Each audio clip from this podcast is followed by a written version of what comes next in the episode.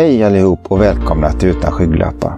Först vill jag rikta ett stort tack till alla er lyssnare för all den positiva respons vi får. Det värmer ska du veta. Och lika mycket tack till alla som har röstat på oss som Årets podd på guldpodden.se. Underbart! Ni inspirerar oss att fortsätta. Och du, glöm för allt i världen inte av att följa oss på Instagram och Facebook. Men innan vi ger oss i kast med dagens avsnitt tänker jag mig presentera våra samarbetspartners. Vi Österlens hästtransportsätter. Är det så att du söker ny hästtransport, släpvagn eller en B-kortslastbil är det definitivt hit du ska vända dig. Vi har även HSH Hö i Uddevalla. Höleverantör som redan idag levererar ett dammfritt hö till bland annat flera stortränare. Men du, nu tycker jag vi tar och kör igång. Utan skygglappar redigeras av Linus Elsinen och publiceras av Martin Lindeskog. Efter ett antal år i Frankrike tog Evelina Månsson sin sambo och flyttade hem till Sverige. Lite om dig själv, var du kommer ifrån? Hon landade en bit utanför Vårgårda och jag begav mig upp till gården Lilla Långared för att höra på hennes historia. Du är från Ronneby, Ja, Blekinge? Blekinge, precis. Ehm, och min mamma höll ju på med hästar, liksom, det var ju, inget, det var ju ridhästar. Ja. Ehm, så det var ju först genom ridningen och sen så, jag vet inte riktigt hur jag egentligen kom in på ponnytravet. För det finns ju inte jättemycket ponnytrav där nere heller. Ja, men det är väl Karlshamn som är närmast? Men, Men det är eh, inget ponnytrav? Nej, det var, inget, det var ingenting när jag var ung. Nej. Jag är lite gammal. Ja, precis. Ja. Nej, så det var ju... Eh, Tingsryd drog igång när jag... eh, Ja, just det. Du får Tingsryd där borta. Så det var ju främst Tingsryd. Eh, så. Nej, men det var väl, jag tror det var pappas eh, kollega hade döttrar som höll på med ponnytrav. Okej. Så det var lite så. De, var, de skulle dra igång någon ponnytravkurs liksom. Och, ja, sa min pappa, min dotter hon är hästintresserad, hon kan väl gå liksom. Så att de fick lite... Ja, lite så. folk, ja. Och sen så började jag med ponnytrav liksom. Ja. Men vad, med ridhästarna den biten, var det, var det vad heter det, hoppning eller dressyr? Eller? Ehm, till att börja med så var det ju bara shettis jag red runt på. Detta var ju liksom när jag var, när jag var sju år så började jag med ponnytravet. Ja. Och sen, men sen höll jag på mycket med västen också. Okej. Eh, Så när jag var tio års åldern kanske så började jag med västerridning.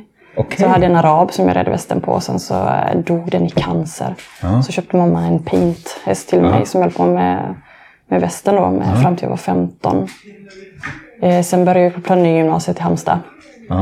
Ja. Och, ja. Men, men västernridningen om man säger så, vad, vad, jag kan inte ett jädra jota om det. Nej. Nej. Eh, det var väl lite grann för att vi hade en granne som flyttade, flyttade till byn. Liksom, som eh, höll på med, hon var västerninstruktör. Ja.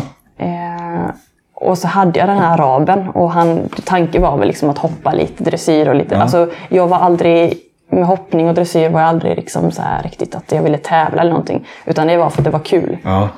Men så, så jag kommer ihåg, jag vet inte, jag hade samma vecka så bokade vi in en, en, eh, ett så här pass med en dressyrtränare Ja. som skulle vara väldigt duktig. Ja. Och sen ett pass med den här västertränaren, just för Ja. att hon var granne.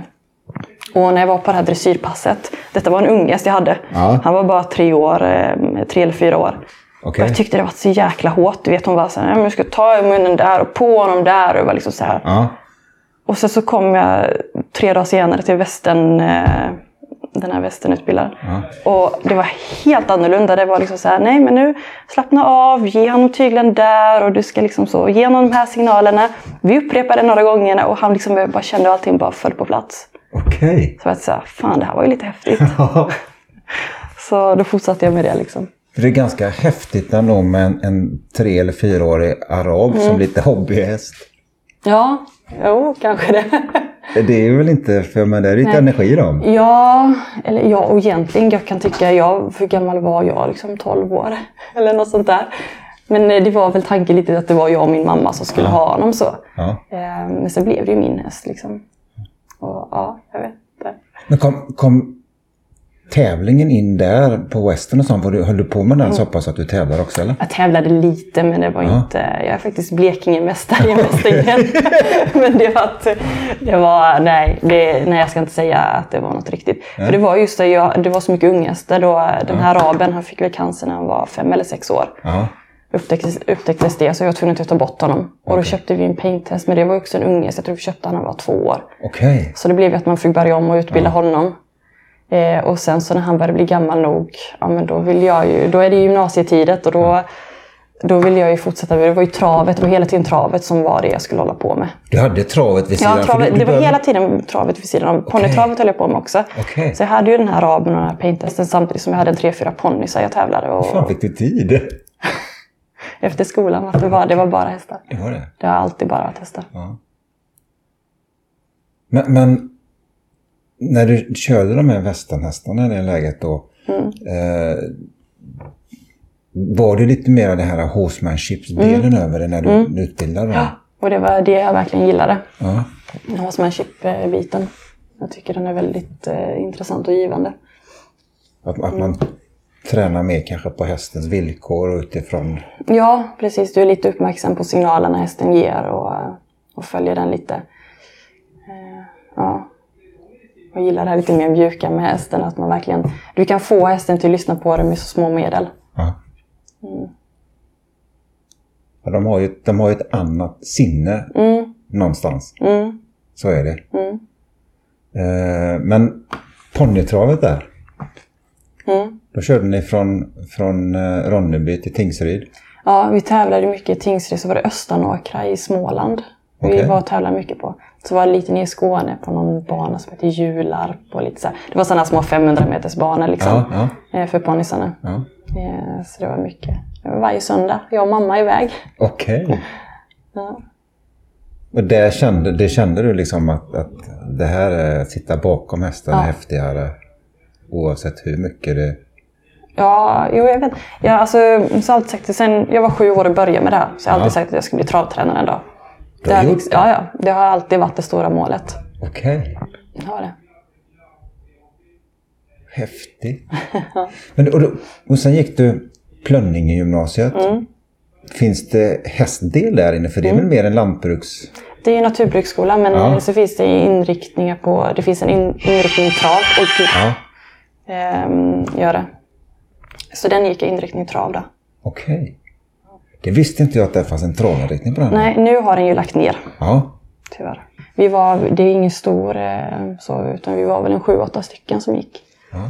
N- när, när kom du in sen och började med, med storhäst och sånt? Hur tidigt kom du in på den delen på travsidan? Det var när jag började på gymnasiet. Det var då? Ja, jag hade aldrig förr eh, kört en stor häst. Okej. Nej.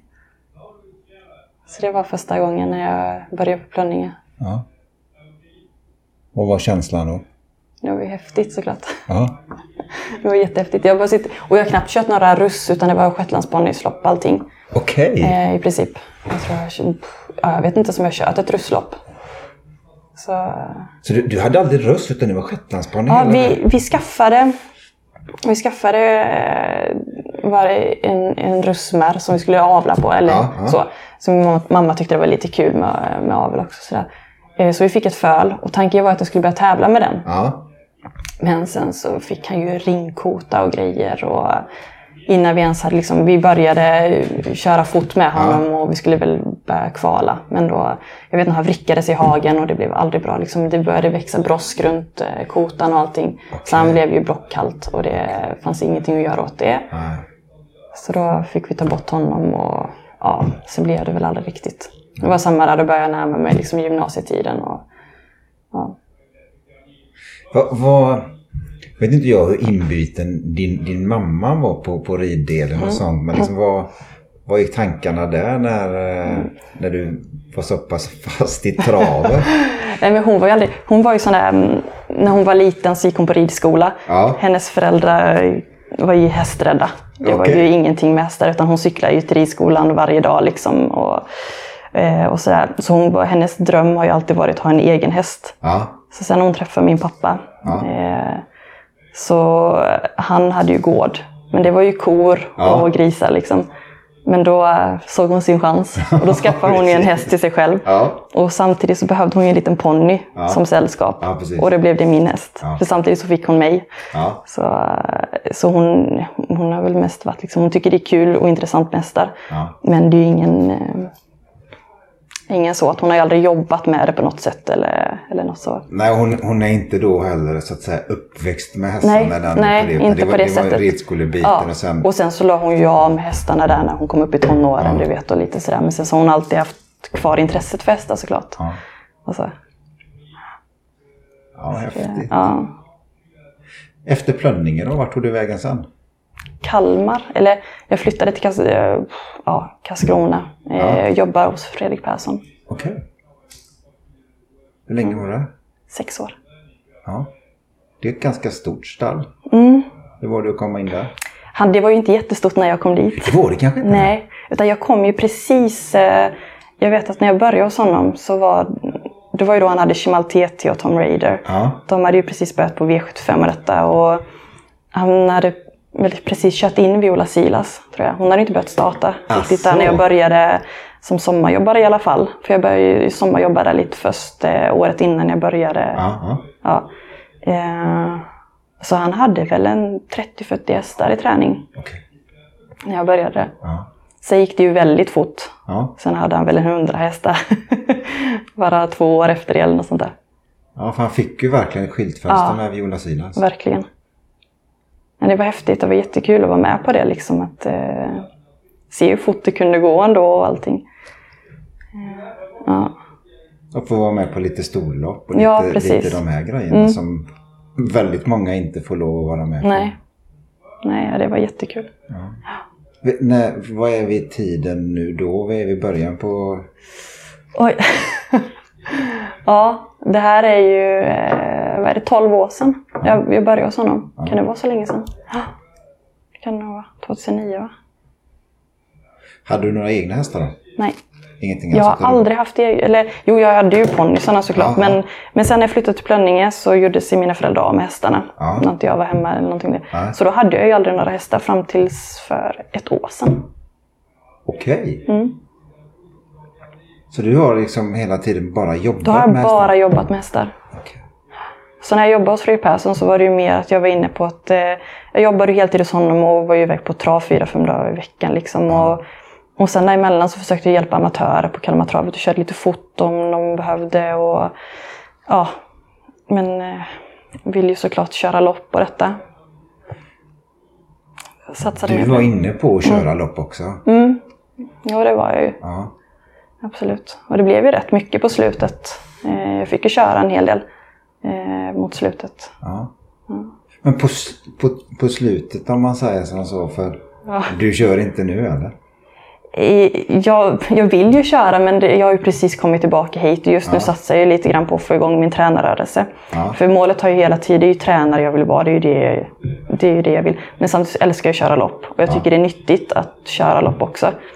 Eh, så du känner liksom, ja men du känner dina hästar lite och sådär och jag tycker det, det är ju självklart jätteviktigt att synas som tränare. Ja. Och det gör du ju nästan bara om du kör lopp. Eh, så är det ju. Så, men det blev ju det sen när jag flyttade liksom att, ja. Då tappar man ju såklart alla kontakter när jag varit borta i, är det, fem och ett halvt år. Det är så länge. Ja. Men hur var det när du, när du började köra där inne? Fick, fick liksom chansen av Fredrik och hästägare hos Fredrik i den biten? Eller fick du ta av de här amatörtränarna och köra deras lopp? Hur, hur, Det var ju, Bygger man sitt ja, namn, precis. Det var ju främst utav amatör, eh, utav amatör, eh, amatörer på Ja, Kalmar ja. tycker jag. Jag fick rätt mycket chanser. Och sen så självklart fick jag ju lite utav Fredrik också. Men vi var ju rätt många lärlingar i stallet där då också. Så det var ju klart, eh, man fick några chanser och sådär. Men sen så var det de andra skulle också köra och detta.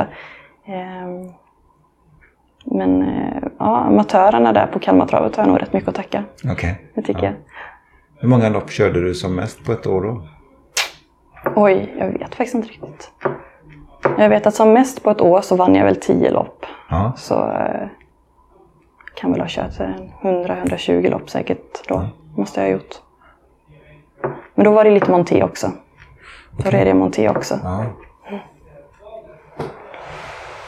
Ja, det är klart den, den växer ju mycket och den måste väl nästan ha börjat i den vevan och växa upp i Sverige. Ja, då började det ju bli lite större. Ja.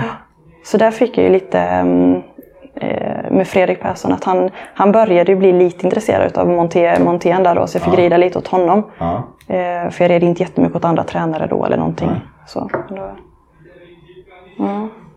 Känner du att du har nytta av den här äh, västen, den mjuka delen, när du rider och red montén? Kanske inte just i Montén. Det är det. Eh, nej, det tror jag inte riktigt. Eh, jag vet inte. Kanske att, man, kanske att man ändå på något sätt är lite mjukare i handen eller någonting. Det vet jag inte. Men, men inte som jag... mm, Ja, du behöver ju bära dem rätt mycket ändå liksom, eh, i Montén. Det är ett annat. Ja. Bära, vad, vad, alltså jag kan inte vara... Nej, men det kan ju vara lite liksom i handen att du behöver ha dem lite på handen. Och, Ja. och du vet ju när du kommer in i en sväng liksom, att du kanske behöver ställa dem lite. Det är ju lite lättare när du sitter på. Ja. Att ställa huvudet lite och inåt liksom, eller någonting. Eh, och hjälpa dem lite. Okej. Så, och sen samma sak liksom, när du sitter på. Du kan ju, du kan ju lägga din vikt i olika liksom om... Eh, ja. Så att du styr dem lite i det Ja. läget och... och... Ja, och visst där kanske, där kanske västen kom in lite för det är jättemycket med viktplacering i västen. Hur, för du styr väldigt mycket med vikten. Och det kanske kan vara bra även i montén för liksom att eh, du bär upp dem lite med vikten, vart du lägger vikten på hästen. Ja. Kanske, ja. Men det är ingenting jag reflekterat över Nej, eller någonting. jag hör att du inte analyserat Nej, det. det har jag inte. Så, men nu när vi sitter och pratar om det så, jo, visst det kanske finns lite samband så. Jag tänker alltså känslan också, just det här med att, att kunna... Alltså du sa signaler ifrån hästen och att kunna Mm. känna liksom... Men det var inget heller som du liksom reflekterade över. Nej, det var det aldrig. Och aldrig... Jag vet inte, för du måste ju i det läget och kanske även fortsättningsvis ha ridtränat hästarna. Mm. Eh, och kunna Nej. liksom få med sig de här Mm. i den delen. Jo, men det har jag mycket nu, eh, nu på slutet eh, tänkt på mycket, särskilt med mina egna hästar nu. Liksom. Ja. För det kräver ju, det tar ju väldigt mycket tid också det här när du ska lära dem. Eh, det kan jag ju känna med dressyren så är det kanske, det tar inte lika lång tid att lära dem när du är lite hårdare lite sådär. Men västen tar kanske lite mer tid när du liksom, du upprepar signalerna många gånger för att de ska, det är mycket så, för att de ska lära sig. Eh, men det, ja. Nej. Du kommer du sitta och fundera på det här Ja, varenda gång det kommer du jag. framöver. kommer jag fundera på det här ett tag framöver. Det ska faktiskt bli spännande då sen att höra eh, liksom vad, om du upplever liksom ett resultat över om du får in Mm. det tänket. Ja, det kan bli spännande. Ja. får vi återkomma till sen. Det är Ja. klart. Hur länge var du kvar hos Fredrik? Ja, det var ju sex år. Sex år. Ja, något sånt. Ja. Nästan sex år. Vart tog du vägen sen då? Sen var det Jörgen Westholm då. Ja. Ehm, och jag hörde av mig till honom just för att jag ville till Frankrike. Jag visste att han hade filial i Frankrike. Aha, du har en plan. Jag hade en plan. Ja. Nej, men det var ju lite så här, jag, jag hade varit hos Fredrik Persson i så många år. Ja. Och jag kände att jag, jag måste vidare. Liksom, och, och jag hade ju hela tiden målet i- liksom, i huvudet att jag skulle bli tränare. Ja. Och då... Ja, och sen så utomlands. Det är alltid kul att se sig om liksom. Och jag kände att Frankrike, det, det är väldigt intressant. Jag kan fan ingenting om fransk travsport. Nej. Så jag måste ner och kolla hur det, hur det funkar liksom. Ja. Och... eh, Nej, Jörgen Westholm hade hört mycket bra om och, och få jobba åt honom och sådär. Så att eh, jag skickade ett mejl till honom. Så... så Hur lång tid tog det innan han svarade? Jag vet inte, det tog någon dag kanske. Ja. Ja, det tog inte lång tid. Nej. Innan jag fick ett sms, ring mig så Ja. får vi prata lite. Hur lång tid tog det till du flyttade upp sen då?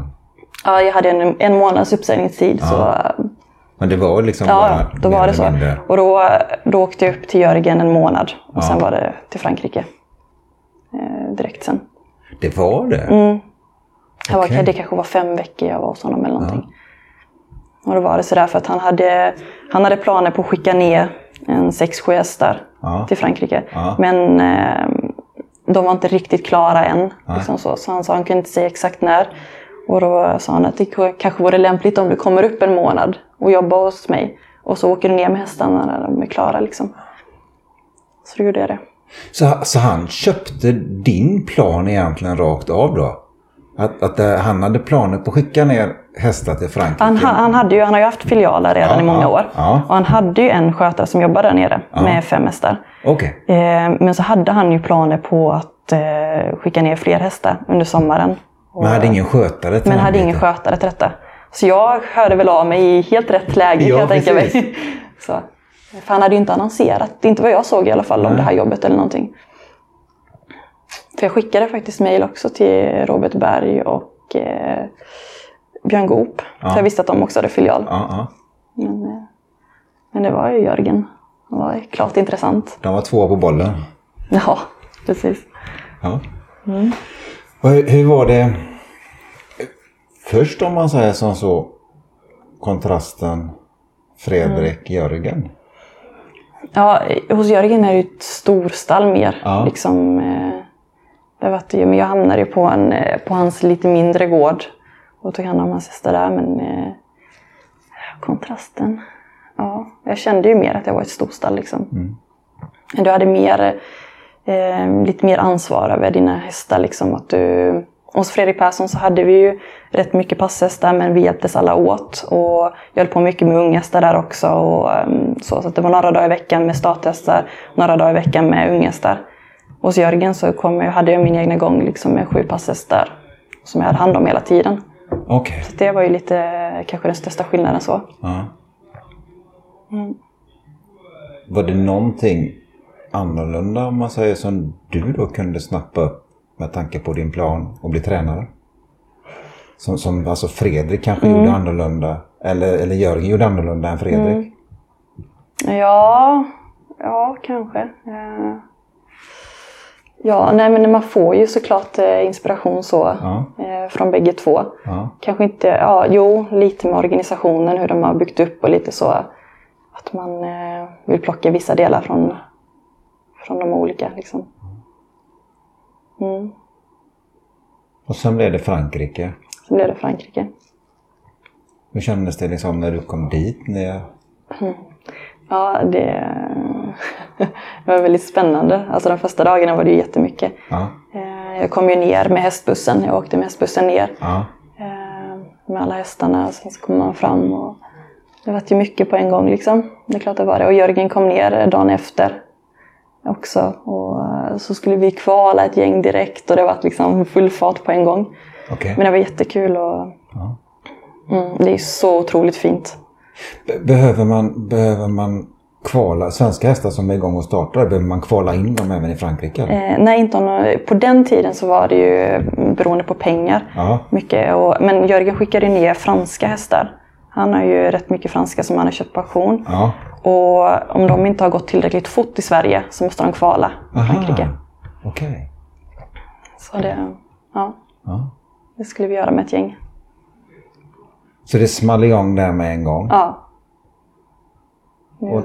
Och sen, eh, men hur funkar det? Alltså, hur upplevde du, när du var där nere, då, var, Mm. då var det egentligen, ni var två skötare som drev Jörgens stall Mm. där nere. Då. Fick ni också ta hand om det här med, med, med lopp och propositioner och hitta de här grejerna för dem? Mm. Eh, ja, Jörgen är ju väldigt mycket, han, let, han kollar ju mycket lopp Ja, också ja. och, och sådär och bestämmer ju vart de ska. Eh, till att börja med så var det ju den andra skötaren som var där nere. Hon hade ju hand om anmälningar, liksom letade lite kuskar och lite sådär. Ja. Men hon slutade ju ganska tidigt efter att jag kom ner. Hon kanske ju var där två månader med mig. Okej. Sen slutade hon och jag blev själv. Ja. Så då fick jag ta över det här. Liksom. Och då, du har ju koll på... Eh, Jörgen såklart sätter ju in dem i loppen och liksom vart de ska. Sen så ska ju du anmäla med kuskar och eh, skoinfo och lite sådär. Och lägga upp lite logistiken liksom när du ska Ja. till banorna och sådär.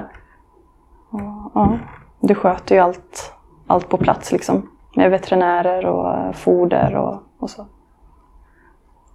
Och det, blir, det blir ju mer som en, det blir ett helt annat ansvar. Ja, det blir det.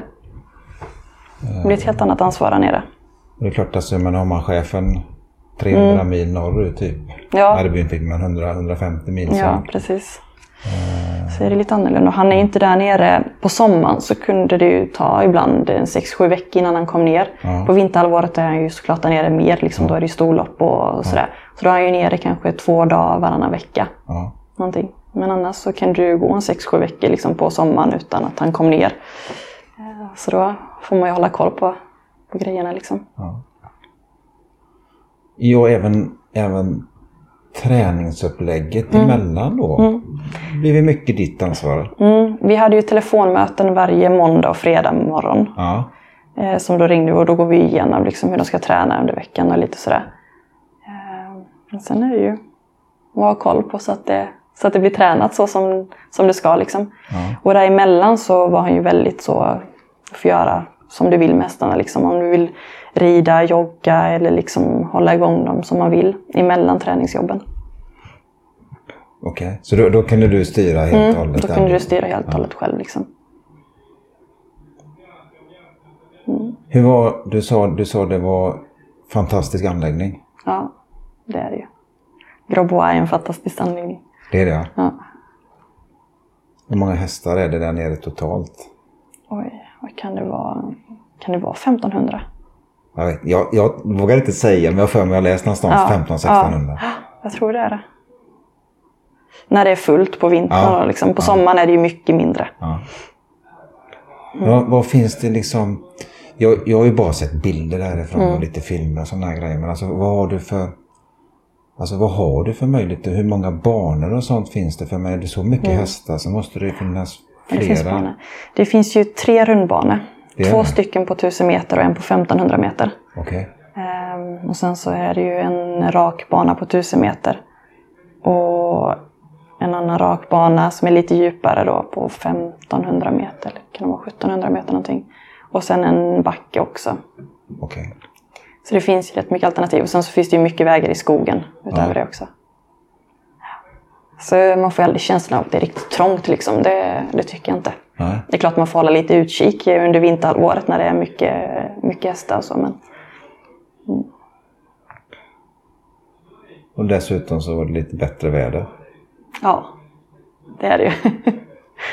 Det är lite bättre väder än det här Ja. som vi har nu. Ja, precis. Mm. Slipper 10-15 grader minus. Ja, precis. Och vattnet fryser. Ja, precis. Nej, det är lite härligare. Ja. Men det regnar ju en hel del däremot. Ja, det är klart. Vi måste ju ha med något negativt. Ja, eller? precis. Något negativt. Men hur, hur var det sen? Eh, liksom med lopp och den biten. Mm. Ja, på vintern, då vin, vintermeetinget om Mm. man säger som så. Så, kan, så är det klart, då blir det väl mest i Paris liksom. Ja. På en sen. Ja. Men, men annars liksom, hur, hur långt åkte ni runt? Och hur. Jag har varit väldigt mycket i Kangsumer. Det var det? Ja, det har jag. Jag vet, eh, de kör ju på vintern också. Ja. Eh, jag vet en vinter, vad var det, under, under åtta veckor så var jag ner sex gånger. Okej. Det var så här riktigt, jag kan vägen ner dit. Ja. Nej men vi, vi åkte, eh, det är klart att vi åkte inte så långt eh, hela tiden. Det var ju nästan ett bra lopp där nere. Liksom. Ja. Men, men annars är det mycket ute i Normandie. På sommaren är det jättemycket ute i Normandie vid trav och tävlingar. Liksom. Tre, fyra timmar normalt liksom, att du åker iväg. Det, var- det var inga konstigheter. Det var ingen konstighet. Nej. Ja, för det, det är ju ett, ett större land. Mm, det är det. Men det är finns ju betydligt mer travbanor också. Ja. Det gör det. Så det finns ju lite att välja mellan. Ja. Och hur, länge, hur länge var du där hos Jörgen? Ja, det måste ha varit fyra och ett halvt år. Va? Ja. Jag var hos Jörgen. Nästan fem år. Okej. Eller, Nej, fyra år. Fyra år var det. Och hela tiden i Frankrike? Mm, hela tiden i Frankrike. Ja. På Grosbois. Det var...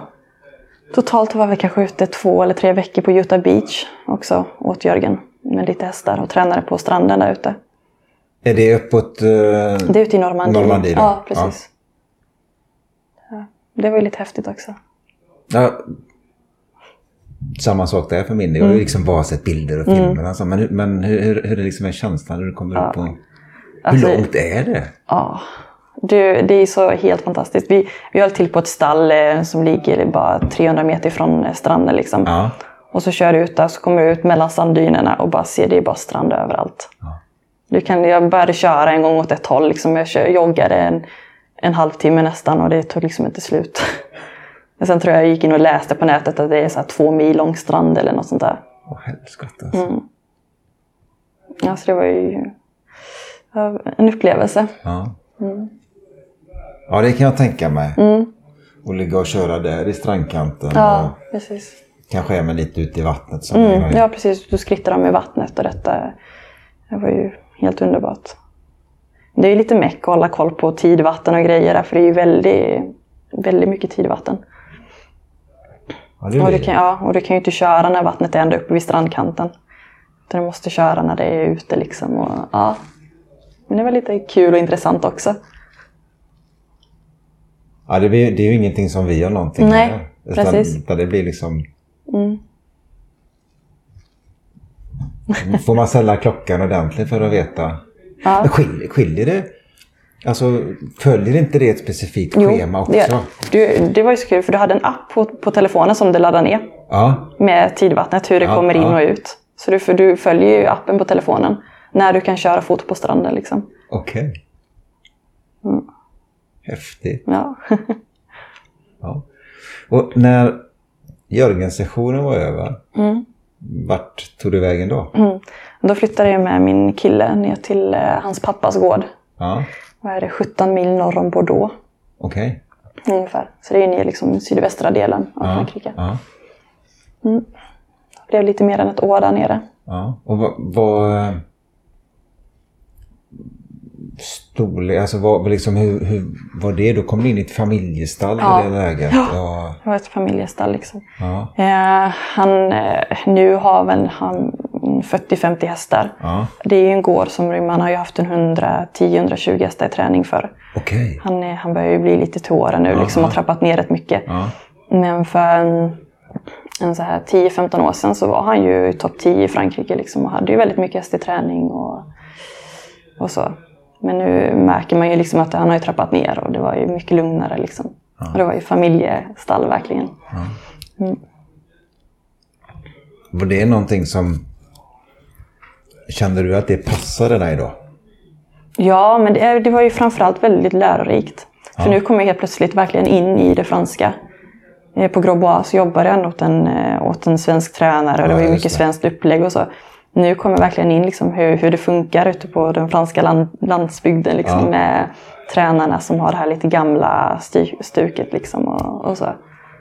Vad, vad, vad var det som skilde där? Alltså, för det är ju ändå den delen när man kommer in på en resa, vare sig man åker som turist eller i det här läget, då, där du kommer in i, i hjärtat på, på hur kulturen och, och det landet är. Liksom. Men vad var det som du kände var skillnaden i hur de tänkte? Eh, ja, det är så det här att de har ju i princip alla hästar ute hela tiden. Det är bara lösdrift? Ja, det är lösdrift i princip allting, hade han. I alla fall, och det är många som har det i Frankrike. Ja. Och de tränar och när de tränar, då tränar de liksom. Och det är inte sådana här intervaller som vi sitter och kör, utan det är mer hitjobb och det, de går liksom fullt ut. Nej. Ja, ofta.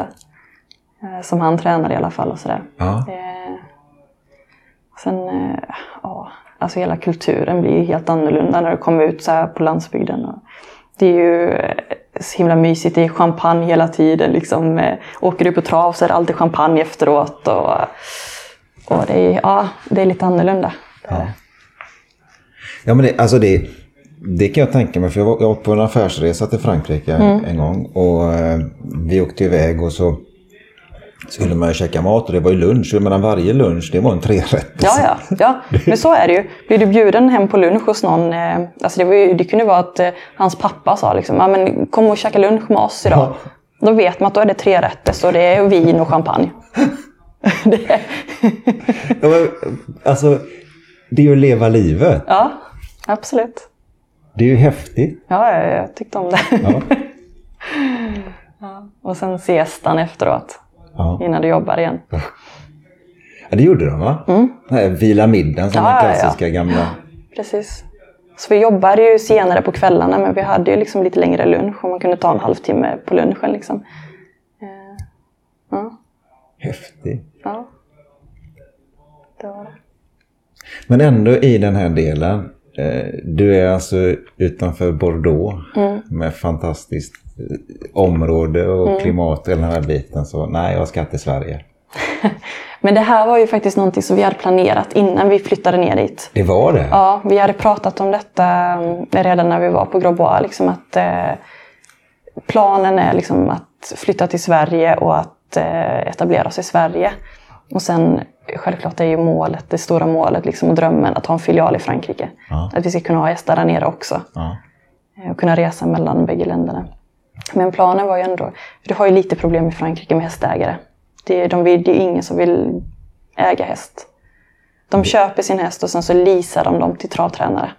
Okej. Mm. Så, eh, och det upplägget det känns inte riktigt ekonomiskt om du inte har liksom... Då ska du ha en bra häst hela tiden. Ja. Eh, Så vi, vi vill väl komma hit först och etablera oss och få lite hästägare och sådär. Så det, det var liksom... Det var bestämt in- innan att det skulle till Sverige. Mm, att vi så småningom skulle till Sverige. Ja. Och var det liksom att, att det skedde nu när det skedde? Var det också planlagt? i- Ja, det var det. det var det? Mm, det var, vi hade sagt något år eh, hos hans pappa då. Ja. Och innan vi begav oss hemåt. Eller hemåt för min del i alla fall. Ja, ja. Eh, så det var det. Sen var det väl lite om vi skulle skjuta på det eller inte. Då beroende på det här med corona som kom och allting. ja precis. Ja. Men vi satsar Ja.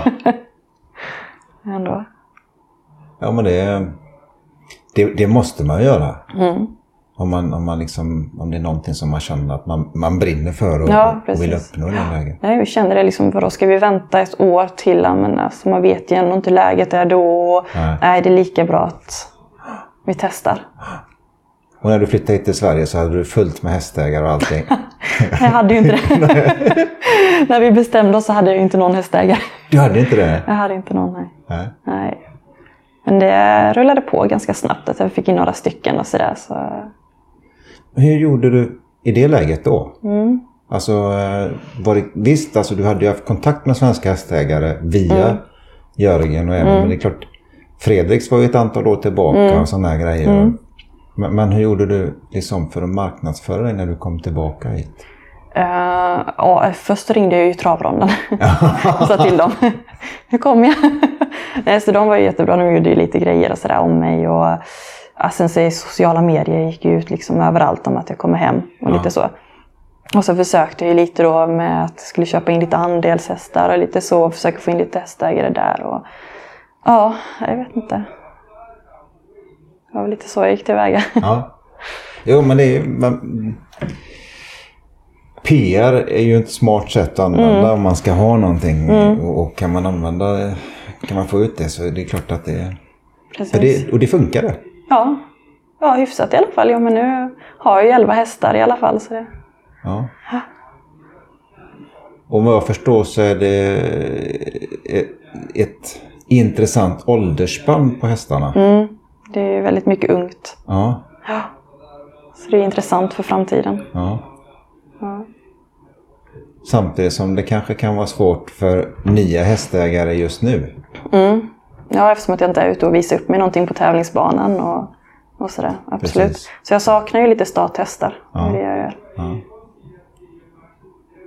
Men hur, hur tänker du om man säger som så? För det, du berättade liksom att det, tränardelen var den stora biten för din del. Mm. Hur Tänker du med lopp och sånt framöver? Finns det kvar? Ja, men det gör det. Det finns ju fortfarande ett sug efter att köra lopp. Och, och det är klart att jag vill komma tillbaka in och köra lite lopp. Ja. Jag siktar ju inte på att vara den här som kör runt halva Sverige och jagar styrningar. Men Nej. det hade ju varit kul att köra lite på Åby, Axevalla och lite här runt omkring. Liksom, och, eh, så. Absolut. Blir, blir det en, en mer direkt adrenalinkick av att köra loppen än, än att träna och stå vid sidan av? Ja, men det är det ju. Det blir en... eh, ja. ja, det kan det nog bli. Men sen, samtidigt så finns det ingenting för mig som är så härligt som när en häst som du liksom har gjort allting med och den presterar på banan. Ja, Det är ju då jag får liksom lyckotårar. det är det. ja, det är inte... Jag har ju... Alltså... Jag har ju ändå vunnit eh, rätt mycket lopp och sådär. Och, och som när jag vann på Vincennes och detta, det har ju varit jättestort. Ja. Men, men det största är ändå liksom när mina passhästar har verkligen levererat i större lopp. Och, Och man har verkligen gjort, gjort det mesta liksom. Ja. Vad är det liksom vad är det största på den delen då som du har varit med om? Det måste, det måste nog vara ja, ändå när jag var i Frankrike och jobbade åt Jörgen Westholm. Ja. Och, eh, jag hade en, en märr åt, eh, åt Kenneth Higström, ja. Super Ariel. Ja. Han, han hade en häst åt och sen så jobbade jag också åt Jörgen Westholm. Då. Ja. Och så skulle vi åka hem till Sverige för att starta sto-SM. Och jag hade då den här Super Ariel, sen hade jag en av mina passhästar åt Jörgen Westholm. Vittma också, som skulle starta i samma, samma lopp. Och jag åker hem och de är etta och trea. Nej. Och då är det så här, alltså, ja, det har varit ju bland det bästa. Mm. Den här Super Ariel, hon var så himla speciell och hon var ju... Det var ju som min häst liksom där nere när jag hade henne. Mm, henne gjorde jag ju allt med. Så det har varit speciellt.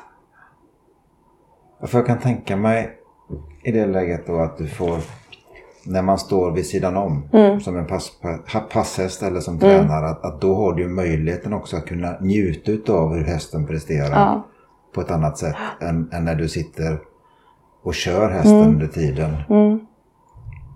Ja. Stämmer det? Ja, så, fast, ja, du är betydligt mer nervös samtidigt när du står vid sidan om. Jo. Det är så njuta. det gör du efter, efter loppet då kanske. Men, för jag har alltid varit så jag är aldrig nervös inför ett lopp. Nej. Men när jag släppte ut hästen på banan, då blir jag nervös. Okej. Okay. Och sen är jag jättenervös tills det liksom är över. Kan du titta? Så, ja, jo men det, jag måste ändå titta. Ja. Det måste jag. Det är en sån där bitterljuv pina nästan. Ja, ja, men lite så. Och sen så, varje gång i Frankrike så att man loppen är så långa. Ja. Och jag bara, är det inte slut snart? det är bättre med 1600 meters lopp. ja, precis. Ja. Du har 11 hästar i träning nu. Mm. Vad, vad, vad, vad, tänker du? Du vill ha en filial mm. i, i, Frankrike och sånt. Vad, vad, liksom, vad är bilden som du och Julian målar upp? Eh, bilden är väl, alltså vi vill inte ha ett för stort stall men så här, hade man kunnat ha en 40-50 hästar och ja och liksom kunna ha ett tiotal hästar i Frankrike eller något sånt där. Och det hade ju varit drömmen. Liksom. Ja. Att eh, vi, kunna ju, vi ska kunna jobba med detta tillsammans. Och, och mycket, vi gillar ju unghästar också, att bygga upp dem från början. Och, ja. Det är väl det som är drömmen. Och Julian gillar ju mer också att köra lopp, så liksom att han ska kunna köra dem i loppen och även jag lite då också. Vi ska liksom köra själva. Och, hur kommer ni att göra upp det här då, vem som ska köra i loppet? ja, vi får se.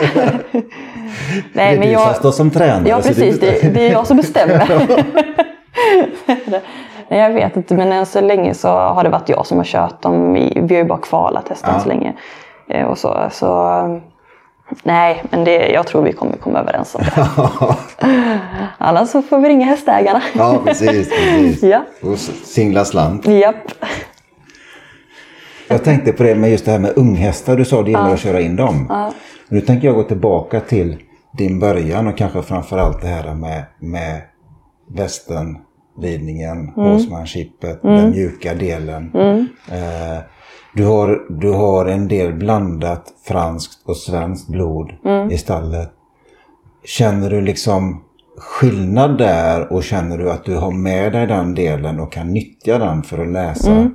Där, där... Ja, men där, där känner jag, där kommer det ju mer till användning. Uh. Det här tänket, eh, så horsemanship och lite, just med unghästar att eh, de, kan, de är ju så oförstörda liksom, ja. eller man ska säga. Det, det, och de tar så lätt till sig nu i början. Uh. De vill ju liksom göra rätt. Så grejen är ju bara att hitta hur du lär dem att göra rätt. Alltså, så. så det känner jag ju mer med unghästar. Att, ja. De äldre de har ju så mycket rutiner redan och det sitter ju så mycket i, i huvudet redan. Det tar ju så mycket längre tid. Ja. Och tid har du kanske inte riktigt på det sättet i, i ett stort stall. Alltså, eller stort, nu har ju inte jag stort stall men, men ändå. Eh, du har inte den samma tid som när ja. du har på hobbyverksamheten en västernhäst som du jobbar med dagligen. Eh, så. Jag är jätteglad att jag har fått eh, komma hit och prata med dig Evelina. Vad kul, jag är glad att du kom. Det, det har varit eh, vad kul att få höra din historia och dina tankar lite om och, och, och även visioner för framtiden. Mm. Så, eh, så som sagt, jag är jättetacksam och jag, jag önskar dig och, och även Julian all lycka till i framtiden. Tusen tack.